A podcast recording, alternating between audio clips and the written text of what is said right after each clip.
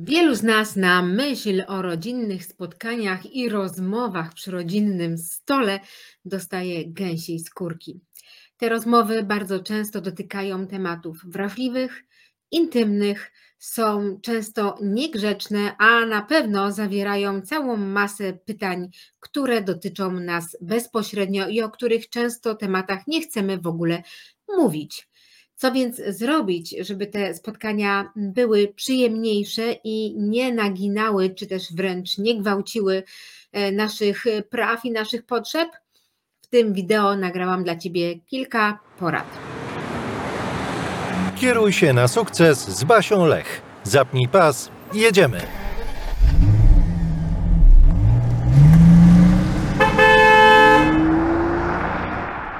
Przy rodzinnym stole spotykamy kogoś, kto y, wściubia nos w nie swoje sprawy. Niby z życzliwością, często autentyczną wręcz troską, zadaje nam pytania, na które właściwie nie chcemy odpowiadać, albo nawet odpowiedzi nie znamy. Są to pytania w stylu: A kiedy to w końcu doczekamy się wnuków? Czekamy, czekamy, lata lecą, my nie młodniejemy, wy też moglibyście się już w końcu wziąć do roboty. Tymczasem w waszych głowach jest prosta odpowiedź. Staracie się o tego wnuka i to bardzo intensywnie, ale z różnych powodów, które obecnie badacie, a badania te nie są ani przyjemne, ani tematem do rozmów, a tym bardziej do chwalenia E, próbujecie uzyskać efekt, który będzie zadowalający zarówno dla rodziców, jak i dla waszych, czyli pojawi się na świecie dziecko.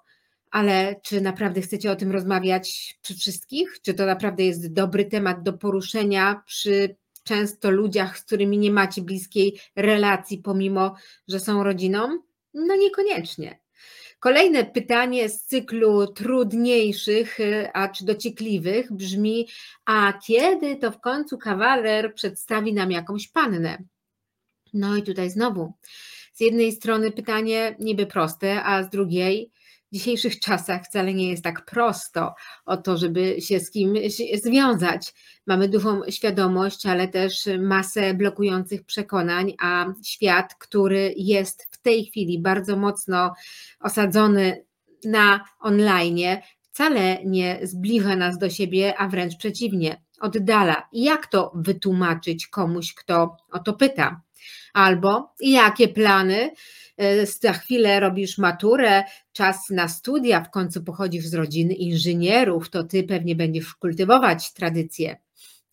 A ty, a ty jesteś w depresji, masz serdecznie po kokardę, masz lęki istnienia i zastanawiasz się, czy w ogóle podchodzić do matury, masz dużą obawę przed tym, czy ją zdasz, a o studiach w ogóle nie myślisz. Te pytania, te inne podobne powodują, że dotykają czegoś, co bardzo często boli drugą stronę. To są pytania, które, które nie są na miejscu, których w ogóle nie powinno się zadać. Teraz, drodzy pytający, tak wiem, to są pytania rutynowe, standardowe i jakby wpisane w rodzinne spotkania ale może warto czasami zastanowić się, jak ty sam, pytaczu, poczułbyś się, gdyby ktoś tobie zadał takie pytania. Czy chciał, chciałby, chciałabyś na nie odpowiadać? I co jeśli pod tym, y, o co pytasz, kryje się coś trudniejszego, coś, co nie jest do poruszenia właśnie w tym momencie? Czy zadawać takie pytania na forum wszystkich i oczekiwać jakiejś odpowiedzi? Zanim zapytasz, pomyśl, i zanim e, zaczniesz taką rozmowę, zastanów się, czy to jest dobre miejsce, dobry czas i dobre okoliczności. No ale jeśli już takie pytania padną, a mamy gwarant, że na pewno, to jak się zachować i co odpowiedzieć, żeby, no właśnie, żeby nie popsuć atmosfery, żeby mm, chronić siebie, żeby zaznaczyć granice i jednak kontynuować w atmosferze wspierającej i przyjaznej rodzinne spotkanie. No więc po pierwsze, i kluczowe jest to, żebyś ty sam sama dała sobie zgodę na to, że zostaniesz przy sobie w spełnieniu swoich potrzeb i oczekiwań, a nie zrobieniu dobrze cioci, wujkowi e, czy jakiejś kuzynce, którą widzisz dwa razy na oczy w ciągu roku. Nie o wszystkim musisz mówić. Masz prawo do tego, żeby zachować pewne rzeczy dla siebie. Tak, po prostu dla siebie. Są rzeczy, które nie dotyczą wszystkich i nie muszą o nich po prostu inni wiedzieć. Najprostszą metodą jest komunikacja asertywna. I nie jakaś wyuczona, nie jakaś wymyślna, e, nie musi to być model Foucault, czyli fakty, uczucia, mm, konsekwencje i oczekiwania, czy jakieś inne formy, które trudno zapamiętać, ale po prostu bycie przy sobie. Posłuchanie tego, co ci powie serce i ciało. I jeśli osoba, która cię pyta, jest ci bliska, to możesz jej wprost powiedzieć, ciociu, to nie jest czas ani miejsce na to, żebym ja ci opowiadała o rzeczach, które nie są dla mnie łatwe. Jeśli chcesz, możemy później usiąść na boku i pogadać.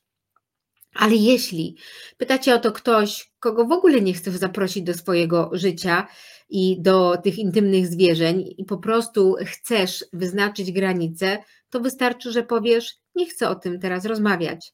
To nie jest temat do dyskusji.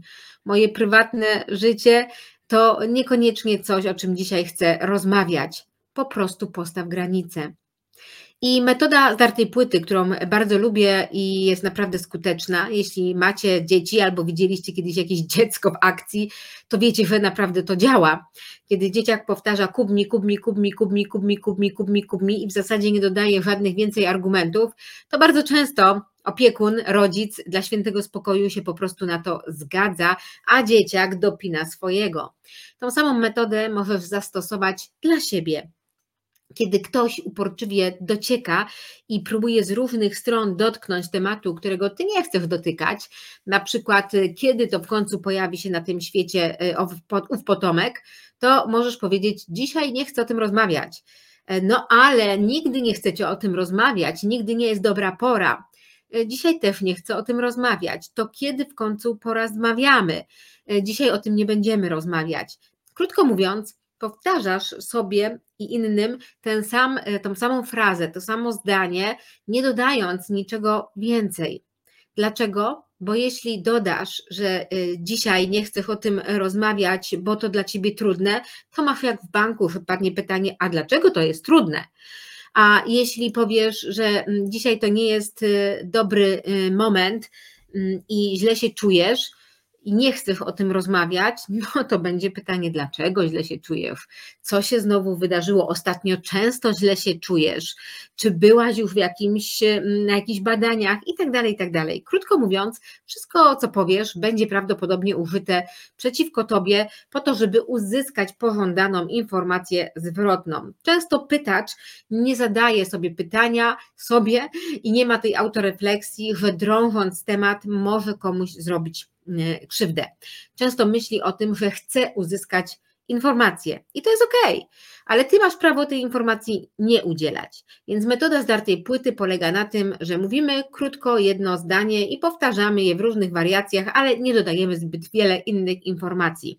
Jeśli wiesz, jakie są typowe rozmowy przy Twoim rodzinnym stole, to możesz sobie już takie odpowiedzi przygotować, po prostu się do tego przygotować. Ale to, co jest najważniejsze w tym wszystkim, to to, że Ty sam, sama musisz dać sobie zgodę na to, że nie będziesz tym razem dla innych i nie będziesz dla nich e, uciechą i radością, ani nie będziesz zgadzać się na owo przesłuchanie, że zatroszczysz się o siebie. I tak, wiem, ciocia, wujek, babcia, dziadek, mama, tata, kuzyn, kuzynka, brat, siostra i kogo tam jeszcze masz w rodzinie, mogą się obrazić. Mogą powiedzieć, że bardzo się zmieniłeś, że to już nie jest ten sam Tomuś, to już jest zupełnie inna Kasia. Ta praca, ci znajomi, ten facet, e, ta e, kobieta, z którą się związałeś, wszystko w tobie zmienił, przewróciło ci, whatever. Po prostu na mur beton coś tam się pojawi. Ale pytanie jest kluczowe: kto jest ważniejszy? Czy to, jak oni będą zaspokojeni, ich ciekawość, czy to, że ty będziesz mieć na końcu poczucie, że zostałeś przy sobie, że jesteś osobą dla siebie, wartą zaufania i kimś, kto zatroszczy się o twoje potrzeby.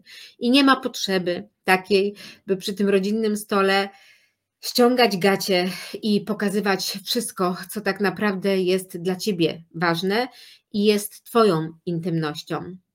Jeśli inaczej rodzina nie dopuszcza cię do ciebie albo odrzuci cię dlatego, że o pewnych sprawach nie chcesz rozmawiać, to jest ich wybór.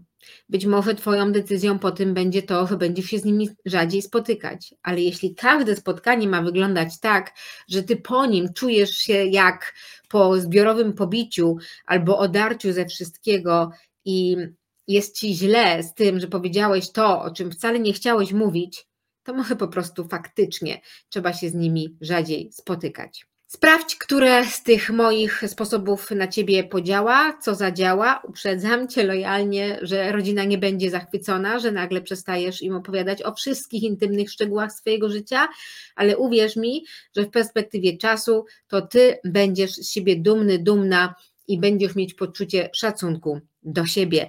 A rodzina a rodzina z czasem przestanie pytać, bo ich nauczysz, że nie mówisz im o wszystkim, a zwłaszcza o swoich bardzo prywatnych e, sprawach. A ja nazywam się Barbara Lech i na co dzień wspieram Was w tym, byście mogli uwolnić się z krótkiej smyczy swojego biznesu, a czasem nawet życia, po to, by móc realizować siebie, swoje marzenia, swoje pasje i zacząć żyć po dorosłemu, czyli w zgodzie ze sobą, bez obawy co ludzie sobą, sobie pomyślą. Zapraszam Cię do subskrybowania mojego kanału. Zostaw informację zwrotną, jak Ty sobie radzisz przy takich trudnych rozmowach i do następnego odcinka. Cześć! Uwolnij się z krótkiej smyczy swojego biznesu. Odsłuchaj kolejny odcinek podcastu. Już czas na Twoje efekty.